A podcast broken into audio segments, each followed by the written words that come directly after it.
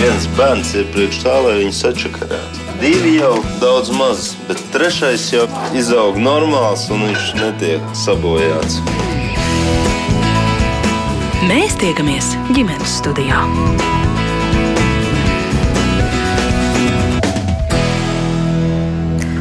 Labdien, ģimenes studija sāk savu skanējumu, un mēs priecājamies jūs sveicināt. Mēs šodien esam raidījuma producenti Dārts Stalidzēnu un es Agnēs Linka un raidījums šodien, kā man gribas teikt, tādā pirmajā īstajā mācību dienā par motivāciju.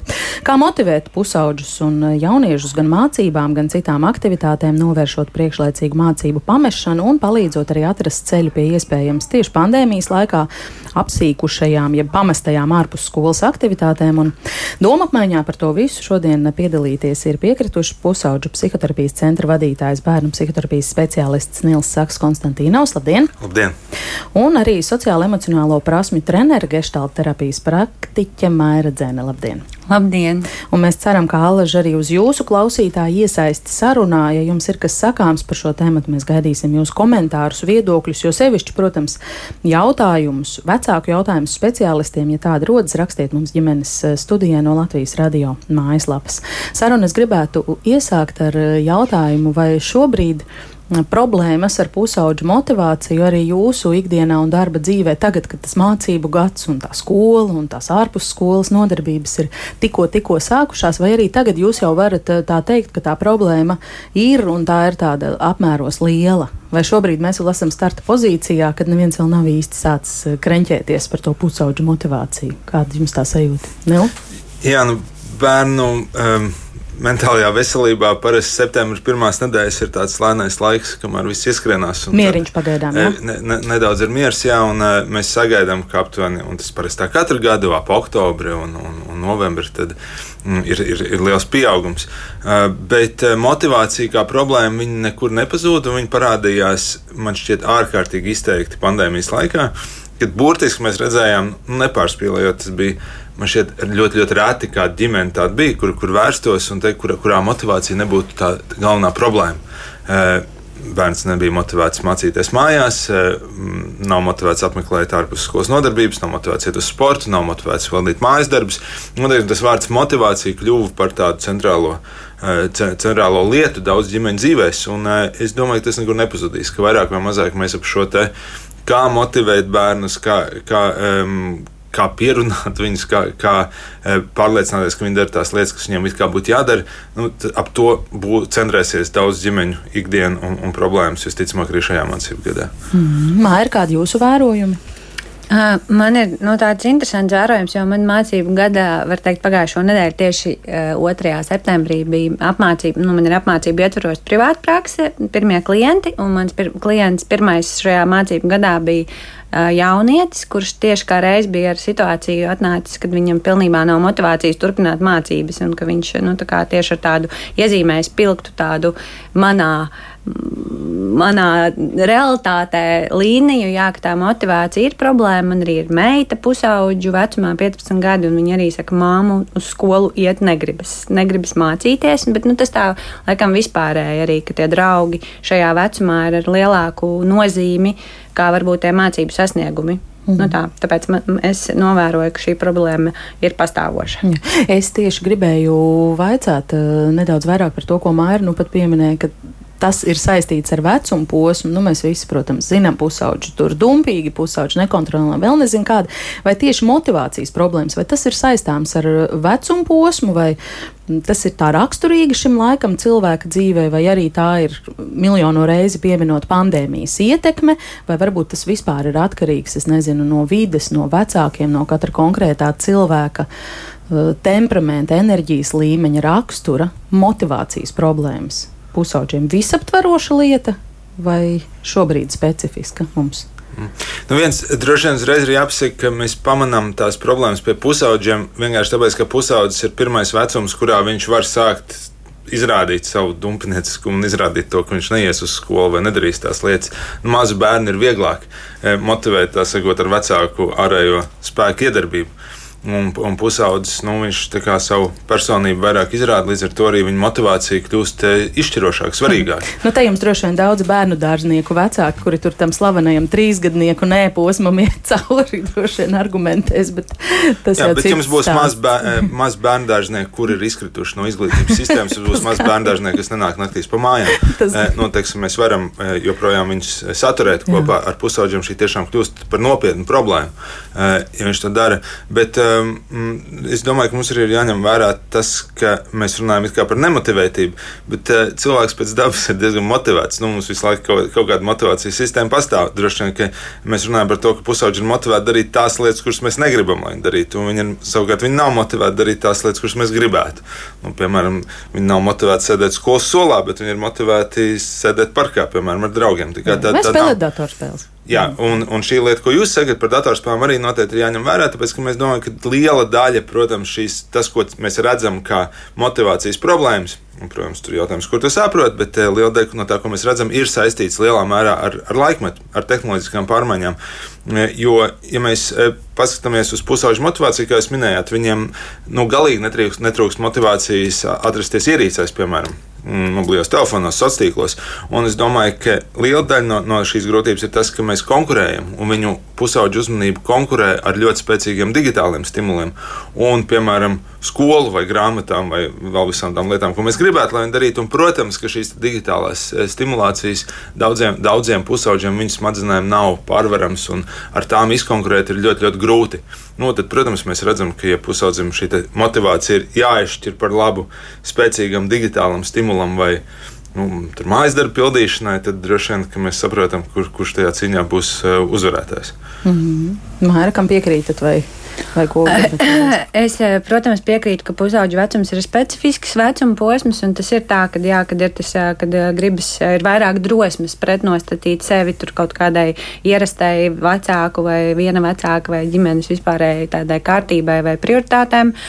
Bet um, man šķiet, ka motivācija ir gana tāds nu, komplekss mehānisms. Un, uh, Un, uh, es domāju, ka vidēji, un, prot, protams, ir viss tas, ko jūs minējāt jautājumā. Jūs uzskaitījāt tur veselu virkni, ja, kas to motivāciju ietekmē, bet es uh, novēroju arī. Uh, savā personīgajā pieredzē, gan arī nu, pētījumi diezgan daudz jau to apstiprina, ka vidēji ir nozīme, ja man apkārt ir cilvēki, kuri nav motivēti, kuriem nav mērķi, kuri mēdz varbūt pēc stundām klējot, viņiem nav hobiju, nav interešu, tas, tas noteikti atstās ietekmi arī uz, uz mani, ja es būšu tādā vidē. Tad visticamāk arī man būs vieglāk varbūt tā sašļukt un, un, un varbūt pazaudēt kaut kādu interesi, vai tā interese aizies citā virzienā, tā droši vien būtu precīzāk teikt.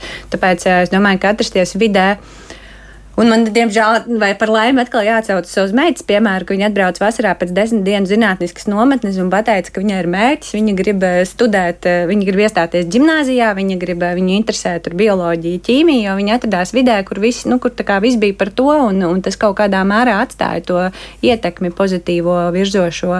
Un tas, ka tie ir vienaudži, tas, ka tā, tam ir, tu iegūsti kaut kādu to gandarījumu, kaut ko paveicot un redzi to sasniegumu kaut kādu, ka tev izdodas, es domāju, tam visam ir uh, ietekme uz, uh, uz motivāciju. Bet eh, tad, klausoties jūsu teiktajā, man jājautā, vai es pareizi saprotu, ka tas motivāciju zaudējušā pusauģa, piemēram, tāds profils vai portrets eh, šobrīd Latvijā eh, ir vairāk no kaut kādas izaicinošas sociālās vides eh, nācis cilvēks vai no kaut kādiem sociāli nelabvēlīgiem apstākļiem. Droši vien mums jābūt piesardzīgiem, jo šie pusauģi, pusauģi ir ļoti, ļoti dažādi un iemesli un lietas, kas notiek ar viņu motivāciju, arī var būt ārkārtīgi dažādas. Un, eh, nu, teiksim, mums ir pusauģi no mm, parastām vidusšķiras ģimenēm, kuri pandēmijā zaudēja motivāciju mācīties, apmeklēt treniņus, saikties ar draugiem, un tas ir viena veida stāsts. Un no otras puses mums ir pusauģi, kuri, kā jūs eh, minat, nāk no sociālā riska ģimenēm, un, eh, un viņiem nav motivācijas apmeklēt skolas, un tas ir pilnīgi citu iemeslu dēļ. Mm, Bet eh, vēl, es arī domāju, ka mēs tomēr daudz tā it kā sakām, ka, pu, ka pusaudzis pazaudējis motivāciju. Man šķiet, ka tajā kaut kas nav īsti pareizi, jo mēs ieliekam to motivāciju kā tādu bumbiņu, kas ir pusaudzim iekšā, vai nu ir vai nav. Bet eh, re, realitātē jau, kā, kā kolēģi minēja, mēs runājam it sevišķi bērniem un pusauģiem, nu, vidēji vienmēr būs daudz, daudz lielāka nozīme. Un pareizāk man šķiet būtu runāt nevis par pusaudzi, kurš zaudējis motivāciju mācīties, bet par, piemēram, par klasi, kur zaudējusi spēju iesaistīt pusaudzi mācībās.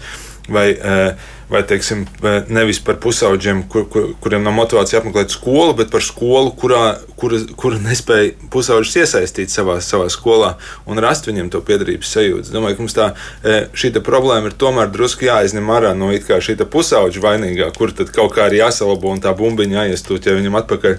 Bet jāapskatās, kas notiek mums plašāk apkārt un kas ir tās vietas sabiedrībā, skolā, ģimenēs, kur, kur treniņos, sporta klubos, visās pārējās vietās, kur viņiem šī motivācija kā šķietam nav. Mm -hmm. Jūs piedāvājat, ka mums par to jādomā, skatoties uz sistēmu viņam apkārt. Nu, kurā vietā viņš to motivāciju ir pazaudējis? Jā, tas, tur arī viņa jāmeklē. Mm. Un vērojumi par to, kur tas visbiežāk notiek? Jau pieminētās klases, skola. Ģimene? Jā, nu, protams, pusauģa dzīve 80% norisinās skolā. Un uh, lielākās problēmas ģimenei, kāpēc vasarās uh, mēs iesākam ar to, ka vasarās mazāk bērnu nāk pie speciālistiem. Tā ir tāpēc, ka viņiem nav problēma ar skolu. Un, protams, ka tas, kur vis, vispirmām kārtām vecāki un ģimenes saredz šīs problēmas, ir tas, ka bērns, bērnam neiet īsti labi skolā. Viņš nav, viņš nav motivēts pildīt mājas darbus, viņš nav motivēts iet uz skolu vispār vai iesaistīties. Vai arī, kā vecāks sūdzās, viņš nav motivēts darīt neko citu, kā tikai spēlēt datoru, piemēram. Mm nu, mēs redzam, šī, šīs, šīs ir tās uh, galvenās vietas, bet ne, nedrīkst arī aizmirst, ka mums ir liela daļa, mums tomēr uh, nabadzībā, uh, nabadzībā dzīvo diezgan liela sabiedrības daļa. Un e, mēs nevaram, nav īsti godīgi arī salīdzināt, piemēram, bērnus, kuriem šī motivācija ir tāpēc, ka viņi nav pēduši, vai tāpēc, ka viņi dzīvo pastāvīgā vardarbībā, e, vai tāpēc, ka viņiem vēl ir kaut kādas ļoti nopietnas problēmas. E, un tad salīdzināt, un tad teikt, ka arī viņiem nav motivācijas, viņi ir nemotivēti. Nu, tāds, protams, absolūti nav.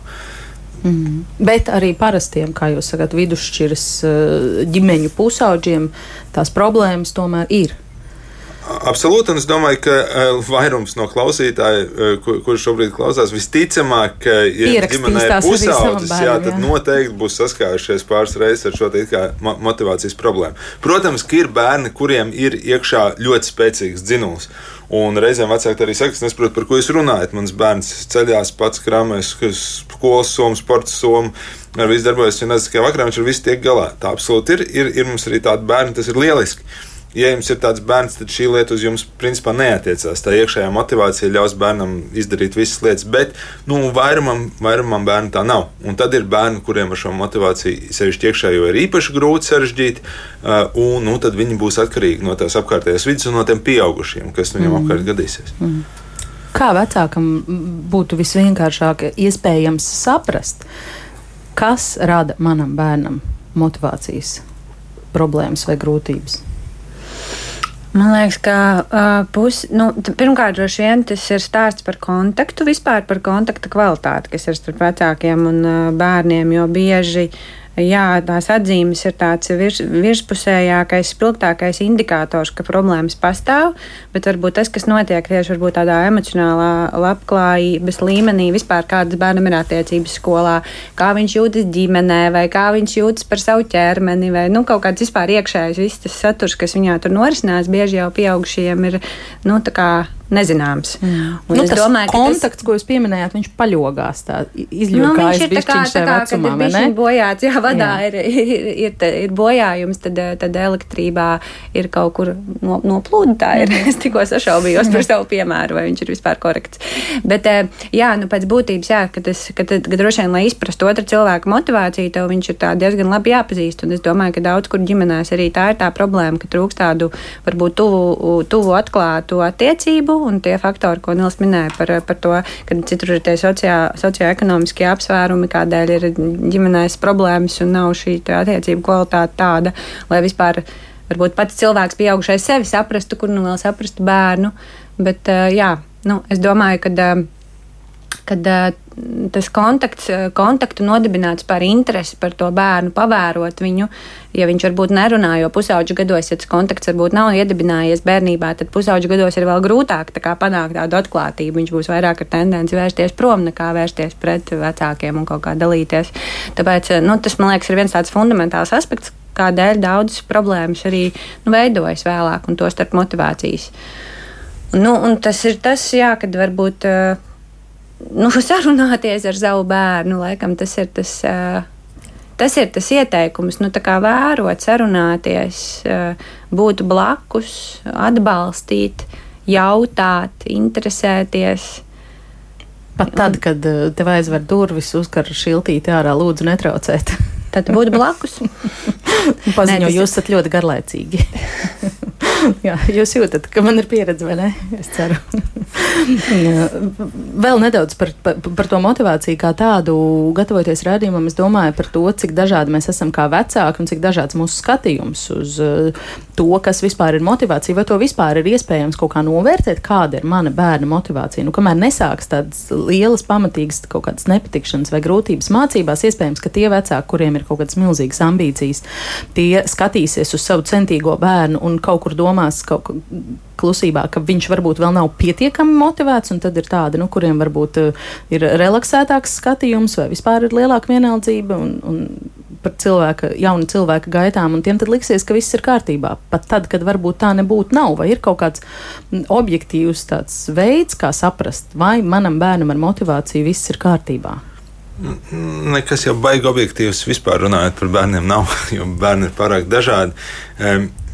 Parasti tas, kā mēs par to varam, varbūt vecākiem, kas palīdzoši domāt, ir apstīties, kā bērnam iet viņa dzīves svarīgākajās sfērās. Nu, viņš iet uz skolu, viņš var aiziet uz pulciņiem, vai viņš, vai viņam ir kaut kāds intereses, vai var, viņam ir motivācija iet un draudzēties ar citiem cilvēkiem. Nu, šādas, šādas lietas, un tad mēs skatāmies, vai bērns pieaugot, um, ko mēs saprotam, motivācija tā ir vienkārši spēja kā pašam darīt tās lietas, un kad bērns ir mazāks, tad viņš vairāk ir jāpastumj, un, un kad viņš ir lielāks, mēs sagaidām, ka viņš pats vairāk vai mazāk to darīs. Bet, kā jūs sakat, objektīvi tas īsti ne, nebūs, tāpēc, ka bērni ļoti, ļoti atšķirās, un būs bērni, kurus vajag stumt cauri no pirmās līdz pēdējai klasē, un ar diezgan lielu stumšanu un grūšanu arī ir grūti, bet viņi to izdara. Un tad ir, kā mēs runājam, bērni, kuri aiziet un, un daudzas lietas dara paši. Tas nav ne pareizāk vai nepareizāk, tiešām atšķirās temperamenti un, un, un, un vēl daudz citas lietas. E, turklāt, piemēram, zēniem motivācija darbojas stipri citādāk nekā meitenēm. Tas arī ir jāņem vērā. Kur tā ir atšķirība? Mm. Nu, atšķirība ir tajā, ka zēni pirmkārt attīstās vēlāk, un līdz ar to viņam tā stumšana bieži ir vajadzīga ilgāk. Meitenes kļūst patstāvīgākas un nobriedušākas daudz ātrāk. Tas tā ir dabiski process ir ielikt. Otrs ir arī tas, ka, ka starp citu, šī ir ja mēs reiz par to sākām runāt, zēniem skolā vispār iet sliktāk, un ja mēs runājam par motivācijas problēmām, tad biežāk tie ir zēni vecāki, kur par to sūdzās un kur to it kā pamana. Bet eh, atkal jau tas nav īsti saistīts ar pašiem zēniem, tas ir saistīts ar to, ka skolas nav īsti piemērotas viņu motivācijas sistēmām. Zēniem patīk sacensties, zēniem patīk, mm, un viņiem ir svarīgi redzēt savu vietu hierarhijā un redzēt, ka viņš kaut ko spēj sasniegt un, un izdarīt. Un eh, skolā vai klasēs, piemēram, nu, vienīgais veids, kā viņam sacensties, parasti ir atzīmēm un atzīmēs meitenes parasti būs labākas klasē. Un, un Tagad vispār lietās. neviens uh, netiek informēts par klases biedru atzīmēm. Tās tiek turētas uh, slepenībā, starp citu.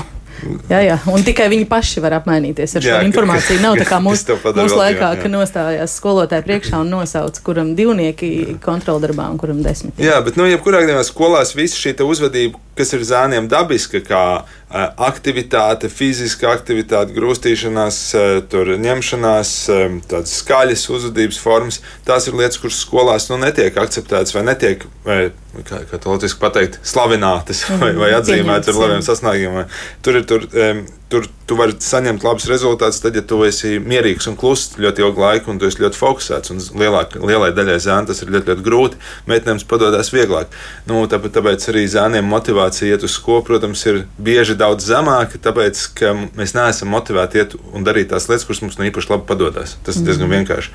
Un, ja skolā vienīgā lieta, ko es varu darīt, ir, māc, ir pelnīt atzīmes, un pelnīt atzīmes man nepārāk labi padodas, man nekad dzīvē nu, nebūšu īpaši motivēts tur, tur atgriezties. Mm. Maira par iespējām nomērīt, izvērtēt sava bērna motivāciju?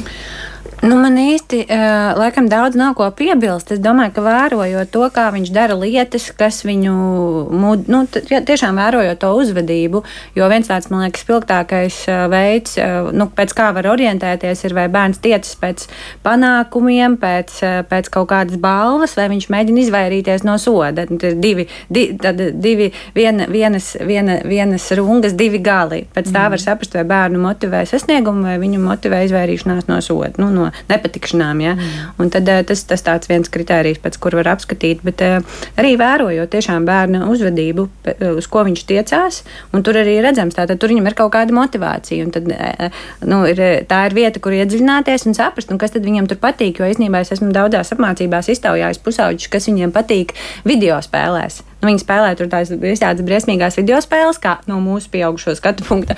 Bet, kad viņus iztaujā, ko jūs tur iegūstiet? Un ir ļoti interesants atziņas, ko viņi nu, izstāsta. Tie parasti ir bērni, kuriem ir atstumti savā klases vidē, vai, vai varbūt ir novārtām nu, mājās, viņiem nav pietiekami daudz uzmanības un, un labu attiecību ģimenē. Un viņi tur atrod, ka viņi kontrolē situāciju, viņi jūtas autonomi, viņi izjūt spēku, ietekmi, visu to, ko viņi ikdienā klasē neizjūt. Un tad, te, teiksim, man pat liekas veselīgi, ka viņi atrod vidi, kuru viņi jūtas tā nu, par sevi labi, un kā mēs varam pārmest, ka viņi tur sēž un lieto šīs spēles ja, tad jautājums, kā padarīt vidi skolā tādu, ka viņiem gribētos nākt uz skolu, sajusties piederīgiem, sajusties spējīgiem un censties, lai iegūtu labas atzīmes. Mm. Starp citu, Nils pirms uh, mirkļa pieminēja pulciņus, uh, runājot par iepriekšējo jautājumu. Un, uh, nesen ģimenes studijā viesojās profesora Baiba Martinsona, un viņas vērojums viņa pauda arī, ka mm, tie pusauģi, kas pandēmijas laikā pameta pulciņus un dažādas ārpus skolas nodarbes, ka viņi nemaz tā masveidā neatgriežas ierobežojumiem noslēdzoties, jo vienkāršāk ir darīt kaut ko vieglāku, tur tikties ar draugiem, vai arī šīs ir kaut kādā mērā rādītājs, ka manam bērnam ir motivācijas problēmas, ja agrāk, teiksim, līdz pandēmijai, līdz ierobežojumiem, tur dziedāja, dejoja, sportoja vai muzicēja, un, un tagad, nu, nē, neko vairs negribās. Jā, nu, tam nebūs gluži saistības ar to, ka vienkāršāk ar draugiem. E, tam ir saistība ar to, ka jebkura šī, pulciņa apmeklēšana, visas šīs lietas, tā pirmkārt ir prasme. Tā ir, mēs bērnam iemācām noteiktas prasmes. Nu, lai, teiksim, viņš apmeklētu futbolu, tas nozīmē, ka viņam ir noteiktā laikā jāceļās, jākrāmē somu, viņam ir tostarp arī jāmācās e, saskarsme ar draugiem. Šajā futbola klubā viņam ir jāmācās, kā tur uzvesties, kā visu šo darīt.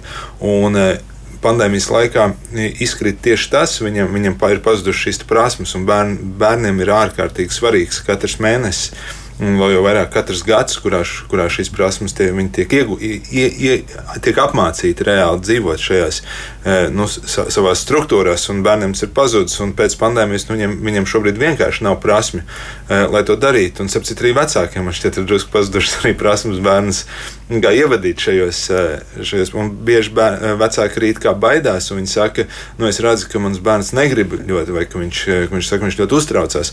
Bet vēl jau vairāk, ja bērns baidās, viņš uztraucās tad viņam šis ir vajadzīgs kā īpašs. Tā, tāpēc, ka tas nozīmē, ka tas, tā viņam būs problēma zona, bet nav citu veidu, kā atrisināt šīs, šīs lietas un šīs bāzes, kā tikai bērnam bērnu apmācot un ievadot atkal pa jaunam šajās aktivitātēs.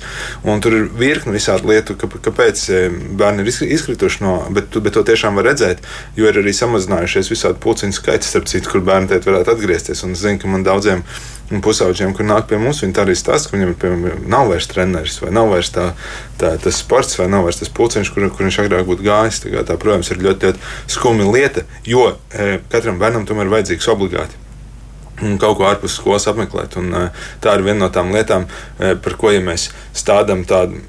Starp citu, mēs parasti diezgan labi zinām, kas ir zīdaiņiem vajadzīgs vai maziem bērniem. Viņam cik reizes viņš ir jāpabaro, cik viņam stundas jāgulda. Tā par pusauģiem mēs it kā tā vispārīgāk runājam, bet viņiem ir tieši tāpat savas obligātās attīstības vajadzības. Un, eh, un, un pulciņš vai lieta, ar ko viņš nodarbojas ārpus skolas, ir absolūti viena no tām. Un, ja mēs runājam par motivāciju, tad, protams, tas ir viens no veidiem, kā vispār viņā šo motivāciju veidot, atrodot kaut kādas aktivitātes, kurās, kas viņu aizrauja un kur viņš var nodarboties. Mm. Nē, ir par šo, kas piebilstams. Mm, nu, īsti nē, man liekas, ka tas tā arī tiešām ir, ka tā aizraut, aizraušanās un kaut, kas, kaut kādas nodarbes ārpus skolas, viņas ir ārkārtīgi svarīgas atrast to savu lietu, ko darīt tiešām patīk, jo īpaši bērniem, kuriem nu, nav, neiet tie akadēmiskie sasniegumi, nepadodas tik viegli, tad tā sajūta, ka tomēr ir, ir kaut kas, kas mani padodas, kuras var būt veiksmīgas, viņi arī stiprinās to mācību motivāciju. Ir svarīgi atrast to savu lietu, kas, kas man padodas un kur man darīt patīk. Es varu īsti piebilst pie šī, es te klausījos, droši vien daudz vecāku klausās un saka, ka Dievs, bet manam bērnam nekas neinteresē, man, manam bērnam nekas nepadodas. E, un e, ir vērts reizēm pievērt acis uz to, kas cilvēkam patīk vai nepatīk, bet ir tādas svarīgās lietas, kas ir jāizdara. Līdzīgi kā rēdienam, man šķiet, un, un ūdeni. Pat ja bērnam ne, īpaši nepatīk dzert ūdeni, viņam tas ūdens ir jādzer. Un man šķiet, tā arī tāda svarīga lieta, ko gribētos vecākiem varbūt nodot, ka mm, tas nekas, ja bērnam tiešām nekas nepatīk, viņam uz kaut ko ir obligāti jāiet. Viņam ir, piemēram, bērnu pusauģu vecumā fiziskā slodze ir obligāta. Un, un pat ja viņam ļoti nepatīk nekas, kas saistīts ar kustēšanos, viņam tas ir nepieciešams tieši tāpat, kā viņam nepieciešams izgulēties pat viņam nepatīk iet gulēt. Uh, un, uh, protams, ka mums, ir, mums paveicās, ja mēs atrodam tādu lietu, kur bērns ar aizrautību metās iekšā, un viņam viss ārkārtīgi patīk. Daļai ģimene tā nekad nenotiks, bet tas nekas uh, reizēm ir vērts arī piespiest un, un, un paturēt bērnu vismaz vienā vai pāris aktivitātēs, nu, tāpēc, ka citādāk viņam tiešām viņa gan motivācijas sistēma, gan daudz citas lietas vienkārši neattīstīsies. Mm. Es gribu, lai jūs izstāstāt arī par nometni, kuru jūs šovasar rīkojāt un veidojāt. Tā bija nometne pusauģiem, kas zaudējuši interesi par eh, mācībām. Cik bērni tajā piedalījās, kāpēc tāda vispār tika organizēta un kā tās dalībnieki tika atlasīti un ko jūs tur darījāt īsti? Ko no visa šeit eh, stāstītā, no, no, no atziņām, no uzskatiem tiešām izdevās tur realizēt dzīvē ar tiem konkrētajiem tīņiem?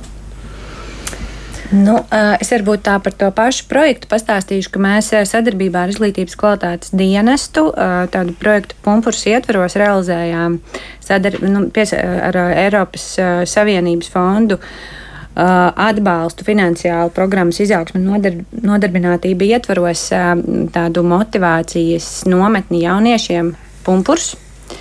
Un šīs programmas ietvaros mēs strādājām ar jauniešiem, kur ir priekšlaicīgā mācību pārtraukšanas riska jaunieši, kuriem jau ir bijušas arī iepriekš pagātnē problēmas ar mācībām un ne tikai. Un tad, attiecīgi, mums tika atlasīta 16 jauniešu grupa, ar kuru septiņas dienas pēc īpaši izstrādātas programmas strādāja gan Nils ar, ar tādām terapeitiskām intervencijām, gan ārā dzīves un neformālās izglītības treneri Laumas Žubulas vadībā. -hmm. 16 jaunieši dikti maz, bet tomēr labāk kā nekas. Cik, kas viņus pie jums atveda, kā viņi tika atlasīti? Tas patiesībā nav maz, tāpēc ka šis bija uh, tāds pilots projekts, jo mēs mēģinām atrast veidus, kā vispār strādāt ar šādiem jauniešiem. Un tas tā vienmēr ir. Uh, psiholoģiskajās intervencijās visā pārējā mēs vienmēr sākam ar, ar relatīvi nelielu grupu. Mm -hmm. Visas psih psihoterapijas ir vispirms izmēģināts uz aptuveni 10, 12 cilvēku grupām. Tas ir saistīts ar drošību, visādām pārējām lietām. Mūsu galvenais uzdevums bija saprast, vai šāda pieeja vispār strādā. Un, un vai, um, Vai mēs tiešām varam ar šādu pieeju nu, teiksim, motivēt jauniešus atgriezties skolā, labāk mācīties, ilgāk tur palikt un vispār. Tā, tā bija varbūt tā svarīgā lieta. Viņa mums vairāk ne, nevarēja būt. Bet es gribētu teikt, ka šis bija no, ārkārtīgi interesants projekts no speciālistu perspektīvas. Tāpēc, ka, protams, mēs katru uh, gadu, um, sākoties oktobrim, novembrim, redzam, uh, saņemam ļoti daudz pusauģu, kuriem skolā neiet, un tās iespējas kaut ko darīt parasti ir ļoti ierobežotas. Un skaidrs, ka mēs gribam paskatīties plašāk, nu, ko vēl mēs varam ar bērniem darīt. Tāpēc, ka acīm redzot, tā sēdēšana psihologa kabinetā vai uh, privātu skolotāju apmeklēšana, nu, tās problēmas tā milzuma e, lielā mērā nerisina. Un, uh, citur pasaulē šīs brīvdabas pieejas ir ļoti populāras. Viņas jau daudzus gadu desmitus izmanto gan uh, darbam ar visu veidu problēmām. Ne tikai ar skolas problēmām, bet arī, piemēram, jauniešiem ar atkarībām. Ar dažādām mentālās veselības problēmām. Nu, tad tas varēja pēc ilguma. Tā ir tāds, kas tur trīs dienas pavadīja brīvā dabā, vai kā mēs tur nedēļu, divas, un ir tādi, kas pavadīja tur trīs mēnešus dzīvo vēl ilgāk. Bet kopumā tā galvenā ideja ir tas, ka mēs jauniešus izņemam no tās ierastās vidas, izņemam no tehnoloģijām, izņemam no, no eh, tās vietas, kur viņi dzīvo, no tiem draugiem, ar ko viņi ikdienā satiekās, no visa, visa un ieliekam dabā. Un, principā, šajā dabā, kur viņi atrodas, nu, protams, speciālistu uzraudzībā, mēs izveidojam tādu ideālo vidi, uh, kurā mēs viņu saucam par pozitīvās attīstības vidi, kurā, ja mēs ieliekam bērnu, mēs zinām, ka tur viss, kas viņa pozitīvai attīstībai vajadzīgs. Tur ir skaidrs režīms, skaidrs robežas, viņš ir labi paēdis, labi aprūpēts, bet reizē viņam arī ir izaicinājumi, kas ir, kas ir nepieciešami, lai tiktu galā ar ikdienas pieredzi, tur ir draugi, tur ir pieaugušie, uzticami, stabili un restīvi visu. Un, e, mēs tā kā puķi tādi ieliekam ap, apstākļos, kur mēs varam kontrolēt un skatīties, kā viņi aug. Un e, tiešām lielākā daļa bērnu aug mēs redzam, ka lielākā daļa bērnu, ja viņus ieliek labos apstākļos, viņi aug. Viņi aug kā personības, viņi aug kā bērni, kā cilvēki. Un, tas priekš mums bija tāds ārkārtīgi interesants un svarīgs novērojums, ka pat mums bija daudz bērnu no ārkārtīgi augsta riska situācijām un ar visdažādākajām grūtībām, bet mēs redzam, ka neskatoties uz ko. Ja šā, šāda veida pieeja ļoti labi palīdz darbam tieši nu, ar, ar to starp arī ar, ar, ar īpaši grūtiem pusauģiem, līdzīgi kā mūsu kolēģi citās valstīs tur ir no, mm. novērojuši un dara. Mm. Es visu laiku mēģinu izvilkt. Man tomēr tiešām ļoti interesē tie 16. Nu, kā jūs viņus atlasījāt? Kā? Mēs viņus atlasījām, jo ir, ir uz, uzskaitē bērni, kuriem ir šīs problēmas. Tad mēs veicām, jo tur bija tāda specifiska lieta, tā šī nometne tapa informatīvās kampaņas ietvaros. Šie bērni visa projekta laikā tika nevis visu laiku filmēti, bet filmēti viņu pieredzi nometnē mm. un atsevišķas aktivitātes. Un tad šie bērni iekšēji projekta ietvaros tika, tika izraudzīti, kur piekrīt arī, ka viņus filmē, kur, par kuriem ir arī tāda priekšvēsture, ka mēs zinām, kā viņiem ir gājis, ka viņi ir gājuši cauri, ka viņi ir pārvarējuši tādu noteiktu tipu grūtības, jau saņēmuši palīdzību. Tā, tāds mm. mm. vecuma posms, vecuma grupa. 15 līdz 18 mm. gadi. Mm. Un tie izaicinājumi, kas viņiem ikdienā tika likti priekšā, ko jūs pieminējāt? Nu, viens vispār atbraukt uz to nometni, tas lielākais izaicinājums. Un, tā varētu būt. Un, jā, jā un kā šāda tipa nometnēs pieejās, tas ievests bija dzīvošana teltīs, bez diezgan mm, vien, vien, vien, vienkāršos apstākļos nosacīt, un, un, un, protams, sadzīvošana kopā ar cilvēkiem, kurus kurus pirmo reizi redz. Atte, mums noteikti bija atteikšanās arī no tehnoloģijām, no digitālajām ierīcēm, no vielām, no smēķēšanas, no veipiem. Uh, Nu, tā, eh, protams, ka pirmās trīs dienas bija diezgan sarežģītas. Bet, uh, Bet, starp citu, kas arī ir interesants, viens novērojums, ka pie pareizās eh, struktūras un, un, un, un absolūti vairumam šo jauniešu vismaz uz šo e, periodu nesagādāja nekādas īpašas problēmas atteikties no šīm lietām. Ne no digitālajām ierīcēm, no telefoniem, e, ne no veipiem, ne no, ne no vielām, kuras viņi lieto mājās, bez kaut kādām īpašām intervencijām vai kā cita. Nu, tāpēc, protams, ka pusauģis vecums ir ārkārtīgi fleksibls tādā ziņā. Un, kas bija interesanti, bija, ka ja pirmajā dienā nu, šī atteikšanās bija teiksim, ārkārtīgi smaga, tad jau trešajā dienā un ceturtajā mēs redzējām, ka liela daļa jau pat vairs neņēma savus, e, savus piemēram, mans vai, vai teiksim, telefons, tā, viņam bija iespēja to darīt. Mēs redzam, cik tas atliciens ir milzīgs. Mm -hmm. Un kā burtiski uz, e, uzlabojās tāds, protams, kā socializēšanās, vai komunikācija, vai draudzēšanās. Vai ir kādi secinājumi par to, kāda ir iespēja to vērst plašumā, vai tas turpināsies? Programma ir sevi apliecinājusi, un tas varētu iet kaut kā arī plašumā. Šī pro Par šo programmu mēs varam teikt, ka jā, viņi ir apliecinājusi sevi kā drošu un efektīvu šādā mazā formātā. Protams, mums ir jāstāsta, kāds darbosies ilgtermiņā, kas notiks, kad šie bērni atgriežas tajās pašās skolās, nu, kurās viņā, viņiem jau bija radušās problēmas.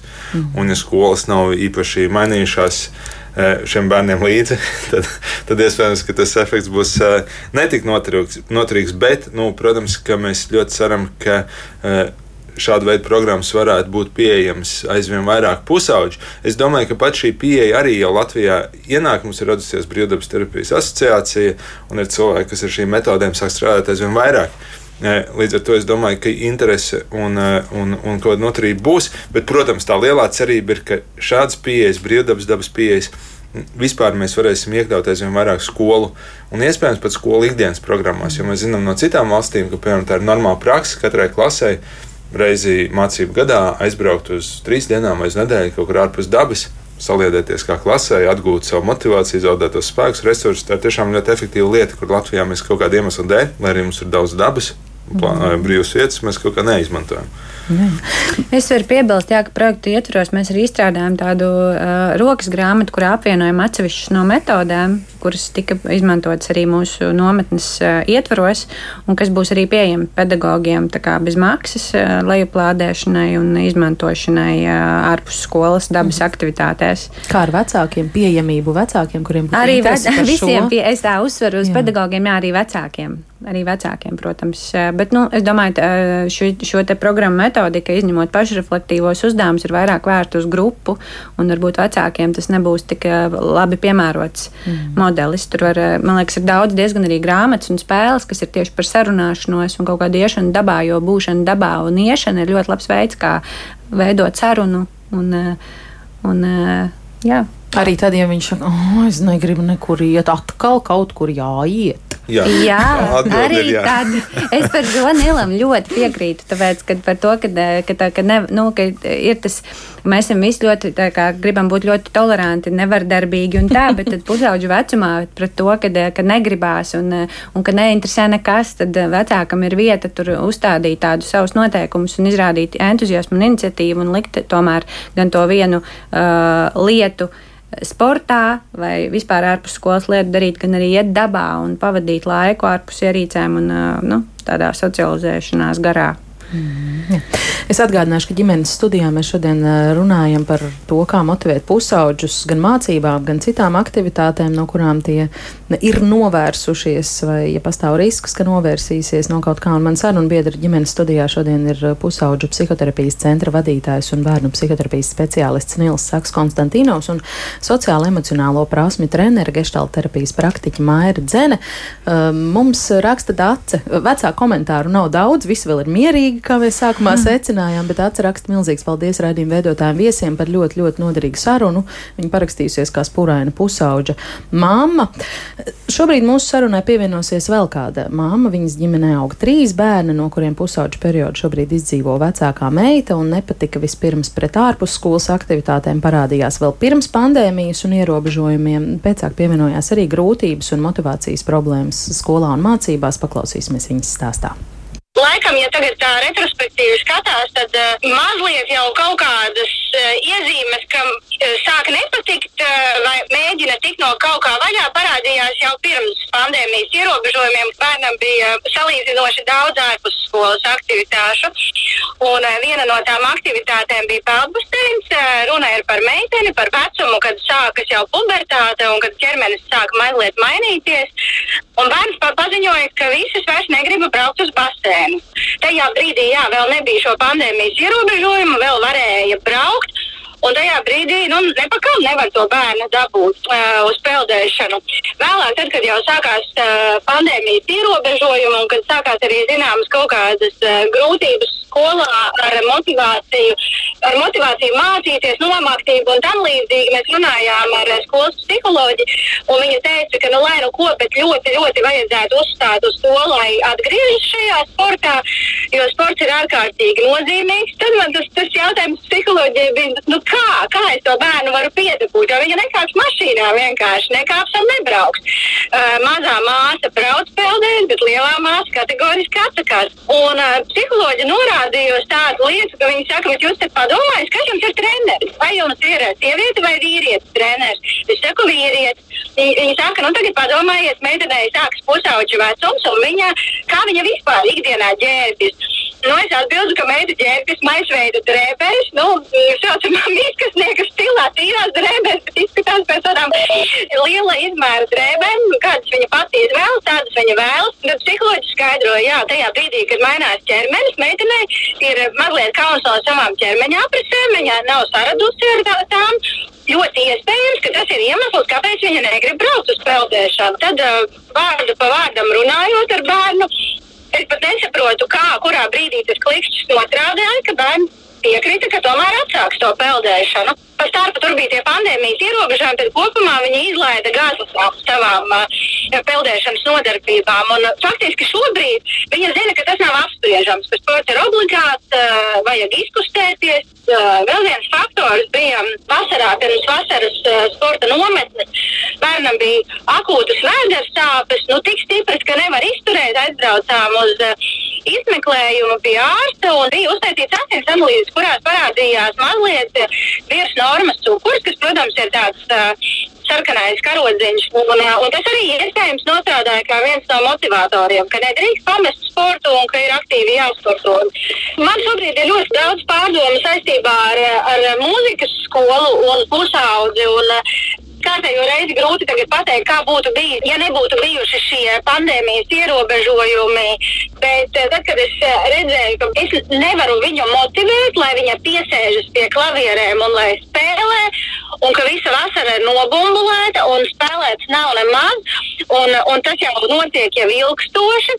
Te man bija ļoti nopietnas pārdomas, ko darīt. Vai ļaut bērnam pamest šo mūzikas skolu, vai piespiest viņu cīnīties un piespiest uh, apmeklēt. Tad mans arguments šajā gadījumā bija tas, ka es uh, esmu redzējusi, kā citi mūzikas skolas bērni labprātīgi muzicē ar kādu azartu un kādu interesi, un ka es savā bērnā neredzu nekādu, ne mazāko dzirksteli attiecībā uz šo muzicēšanu, un ka nevienu brīdi neesmu redzējusi, ka brīvajā laikā bērns sēdētu un interesētos par šo, tad uh, nu, manis varu kausi nosvērās par labu tam, ka ļaušu bērnam izvēlēties to pulciņu, kas viņu vairāk interesē un ko es redzu, ko bērns brīvajā laikā dara. Uh, man šī bija ārkārtīgi smaga izvēle, jo es esmu mācīta vienmēr pabeigt iesākto līdz galam, un divi gadi līdz mūzikas skolas beigšanai man šķita, ka nu, varbūt tomēr vajadzētu pabeigt.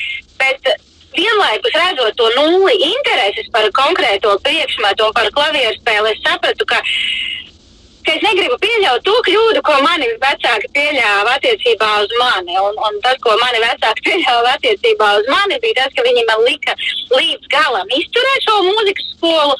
Un uh, es uh, to pabeidzot, pateicu, ka kategoriski nekad dzīvē es nepiecīdīšos pie klavierēm. Kā ir ar motivācijas līmeņa kritumu, kas attiecās uz parasto skolu un mācībām?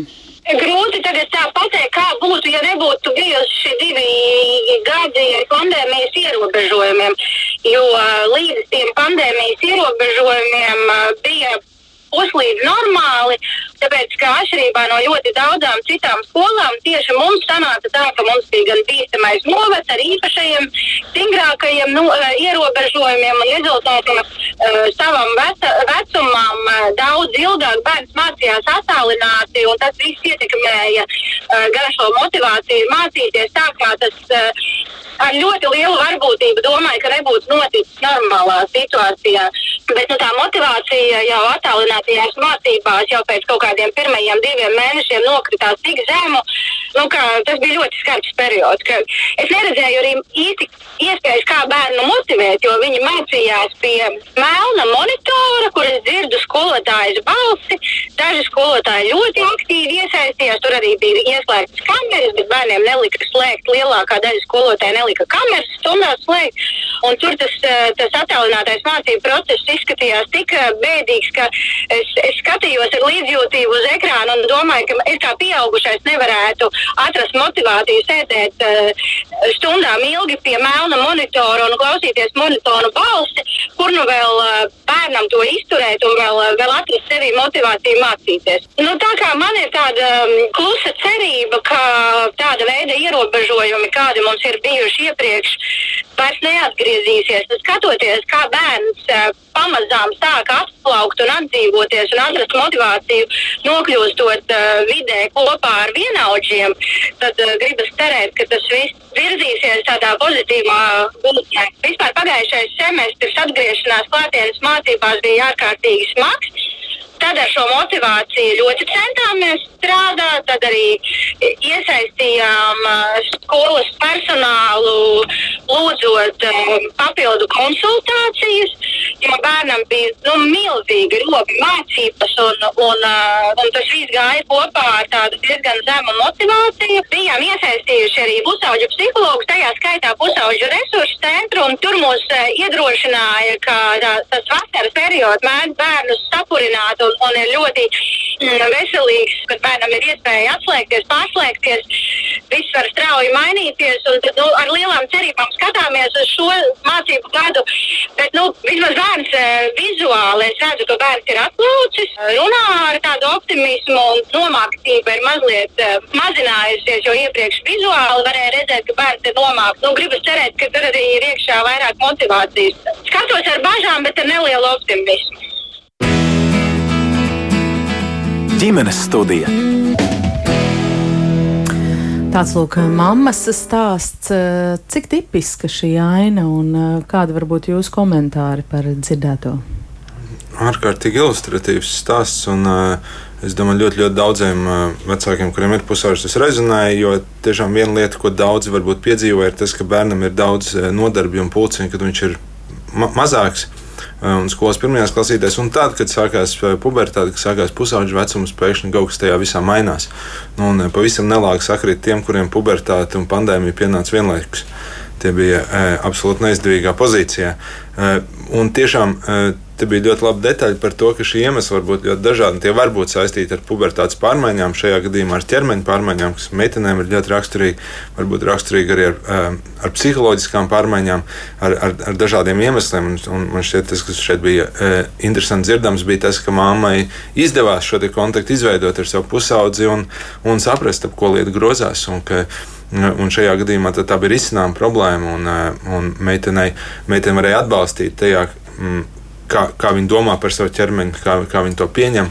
Un, eh, un, un viss nu, savā ziņā beidzās labi. Man interesē mammas pārdomas par mūzikas skolu. Kāpēc? Tas tiešām. Man teica, viņai tas, starp citu, jā, vissāpīgākais jā, un aktuālākais. Tas vienmēr ir viss, viss nevieglākais lēmums, tāpēc, tāpēc ka tas, nu, mēs neviens nezinām. Un man ienāca prātā uh, par Raimonu Paulu stāsts, kurā viņš stāsta, ka viņam arī nepatika sēdēt pie klavierēm un ka vecāki viņu turēja istabā un viņš mm. skatījās, kādā puikas spēlē futbolu. Uz to mēs te atsaucamies šajā studijā uz Raimonu Paulu jau 12 gadus gandrīz reizes mēnesī. un, un, tā, un tā ir tā lieta, par ko, bet man šķiet, ka šeit vecāki nu, tomēr diezgan tādu racionālu izvēli izdarīja. Protams, ka arī jāstāsta, kā bērnam veicās šajā, šajā lietā, ko viņš dara. Nu, tas, ja gadījumā bērns tiešām ir ģeniāls mūziķis un nu, kaut kas ar motivāciju, iespējams, arī mēs citā veidā par to domājam, bet droši vien tā tas zelta ceļš ir vienkārši būt jutīgam un, un, un, un jebkurš vecāks vienmēr būs labākais savu bērnu pazinējis tādā ziņā. Un, un, un vienkārši varbūt paļauties vecāku intuīcijai, bet katrā gadījumā svarīgi, lai bērnam kaut kas paliek. Un, šajā gadījumā izklausījās, ka ļoti veselīgi tā, tā no, ka, ka bērnam ir obligāti kaut kas jādara. Labi, ja, tā, ja tās galīgi nav klavieres,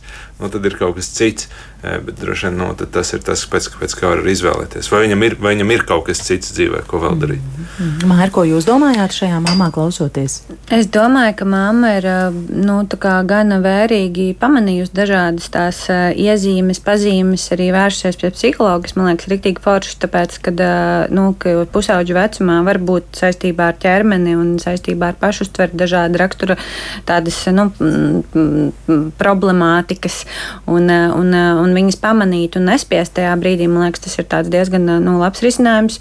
Un arī, manuprāt, tas, kad tika, kad nav tā, ka meitenei nav motivācija darīt vispār neko, bet rekur kaut kādas lietas, kas bija viņas iniciatīva un kas viņai patika, bija, un viņa vienkārši nomainīja to akcentu no mūzikas skolas uz citu nodarbi, kas man liekas laba, labs risinājums. Mm. Bet es ļoti labi saprotu, jo manā meita dejoja baletu. Es ļoti labi saprotu brīdi, kad viņai bija gan talants, gan viss. Tad viņa teica, māma, man vienkārši tas balets nepatīk. Ja tev viņš patīk, ej, lūdzu, dejo viņa pati.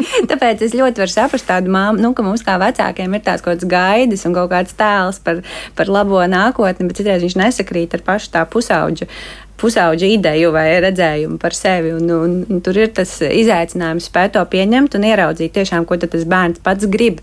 Jo īstenībā ne, ne, nedzirdēt, nebūt jutīgam par to viņa gribu, ir, tas arī ir tas motivācijas kāvējs, man liekas, liels, lielā mērā. Mm ka tā kā likt ļoti daudz piespiest, jo skola jau ir tāds nu, mehānisms, kur mēs visu darām. Brīvprātīga obligācija. Jā, un, un tad, nu, ka, kad eh, ir jauki atrast, kad ir kaut kāds punkts, kur tas bērns var to savu es, savu iniciatīvu un savu gribu izrādīt, un tur arī ir tā motivācija. Mm.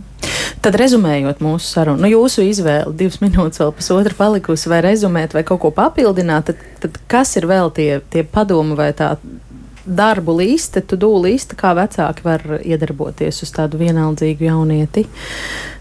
Sarunas man ir pierakstīts pastaigas, eh, izvērtēt vidi skolā kas vēl šeit? Es, es, ja varbūt tā pavisam īsi divas lietas. Man šķiet, ka vecākiem vienmēr vērts ir sākt ar pašām vienkāršākajām lietām, apstīties, vai bērns ir paēdis, vai viņš ir izgulējies, vai viņam ir fiziskas kustības, vai viņam ir viss tas, kas ir vajadzīgs tajā vecumā, lai attīstītos, mm. un vai viņam nav kaut kādas eh, grūtības sākušās fiziskas vai mentālas. Un, ja tās lietas ir kārtībā, viņam akurāti ir pazudusi eh, motivācija pret kādu lietu, skolu, treniņu, vēl kaut ko, tad paskatīties, nu, vai tur tajā vietā tiešām ir kāds pieaugušais, kurš, kurš ir kurš spējīgs motivēt šo pusaudzi, vai, vai tā vide ir tāda, kas ir spējīga uzturēt kaut kādu interesi un, un, un negaidīt no pusauģa neiespējamo. Nu, ja mēs viņu ieliekam vidē, kur, kur paši pieaugušie negrib atrasties, piemēram, vai vidē, kas vienkārši nav piemērota bērnam, nu, tad mēs, mēs nevaram gaidīt vai izspiest no viņa no, no, kaut, kaut ko, ko, ko mēs neesam spējīgi paši uzrādīt kā pieaugušie. Nu, mans tāds, laikam, īsumā rezumējums ir, ka citreiz ir vērts pievērst uzmanību bērnu attiecībām, vispār, kas viņam notiek ar kontaktiem klasē, starp pedagogiem, starp vienaudžiem. Jo nereti ir tā, ka kad tieši attiecības vienaudžu starpā, nu, ka tur var būt kaut kādas krīzes, kuras tajā vecumā uztvers arī diezgan radikāli, ka viņas var ietekmēt tādā veidā, ka zūd motivācija un, un citreiz tāda nezināšana par to liekas, jā, bērns ir nomākts, viņš nemācās, bet īstenībā varbūt viņam notiek kaut kādas lietas attiecību jomā, ar kurām viņš iespējams netiek galā, viņam nav īsti ar ko to pārunāt. Tā arī var būt. Mhm, tā Tāpēc, ir tā veselīgā vide. Jā, un, un man liekas, ka ļoti, ļoti svarīgs jēdziens ir paša efektivitāte, kas ir, eh, ka mēs mākam atrast, palīdzēt bērnam ieraudzīt savas stiprās puses, kā jebkuram cilvēkam, ka mēs pat tad, kad mums nesoks mācībās, ka ir kaut kādi aspekti sevī, uz kuriem mēs varam balstīties, ka mēs zinām par sevi, ka mums kaut kas padodas, jo tas mums mudina censties un, un tiekties pēc kaut, kaut ko attīstīt vairāk. Mm. Es Aha. iesaku to izpētīt. Par šo es varētu šķiet jums vaicāt vēl vismaz uh, vienu stundiņu, bet to mēs nedarīsim. Mēs ļausim ziņu kolēģiem drīz nākt ēterā. Paldies par sarunu ģimenes studijā. Es šodien teikšu pusauģu psihoterapijas centra vadītājiem bērnu psihoterapijas speciālistam Nilam Saksam Konstantīnovam un sociālo emocionālo prasmu trenerē geštāla terapijas praktiķei Mairai Dzenei. Radījumu šodien veidoja arī Ilze Zvaigzne, Dats Stalidzēna, Kārlis Rašmans un es Agnes Linka. Lai bērni spētu domāt un uh, mācīties, kā jau tas šodien izskanēja, ļoti svarīgs pilns vēders un, protams, arī siltas uh, telpas. Kāda situācija šajā mācību gadā būs ar skolu brīvpusdienām un telpu apkuru mācību iestādēs? Par to plašāk ģimenes studijā mēs runāsim rīt. Kā vienmēr no diviem līdz uh, trijiem klausieties mūs arī podkāstos, mobilajā lietotnē un sekojiet ģimenes studijai sociālos tīklos.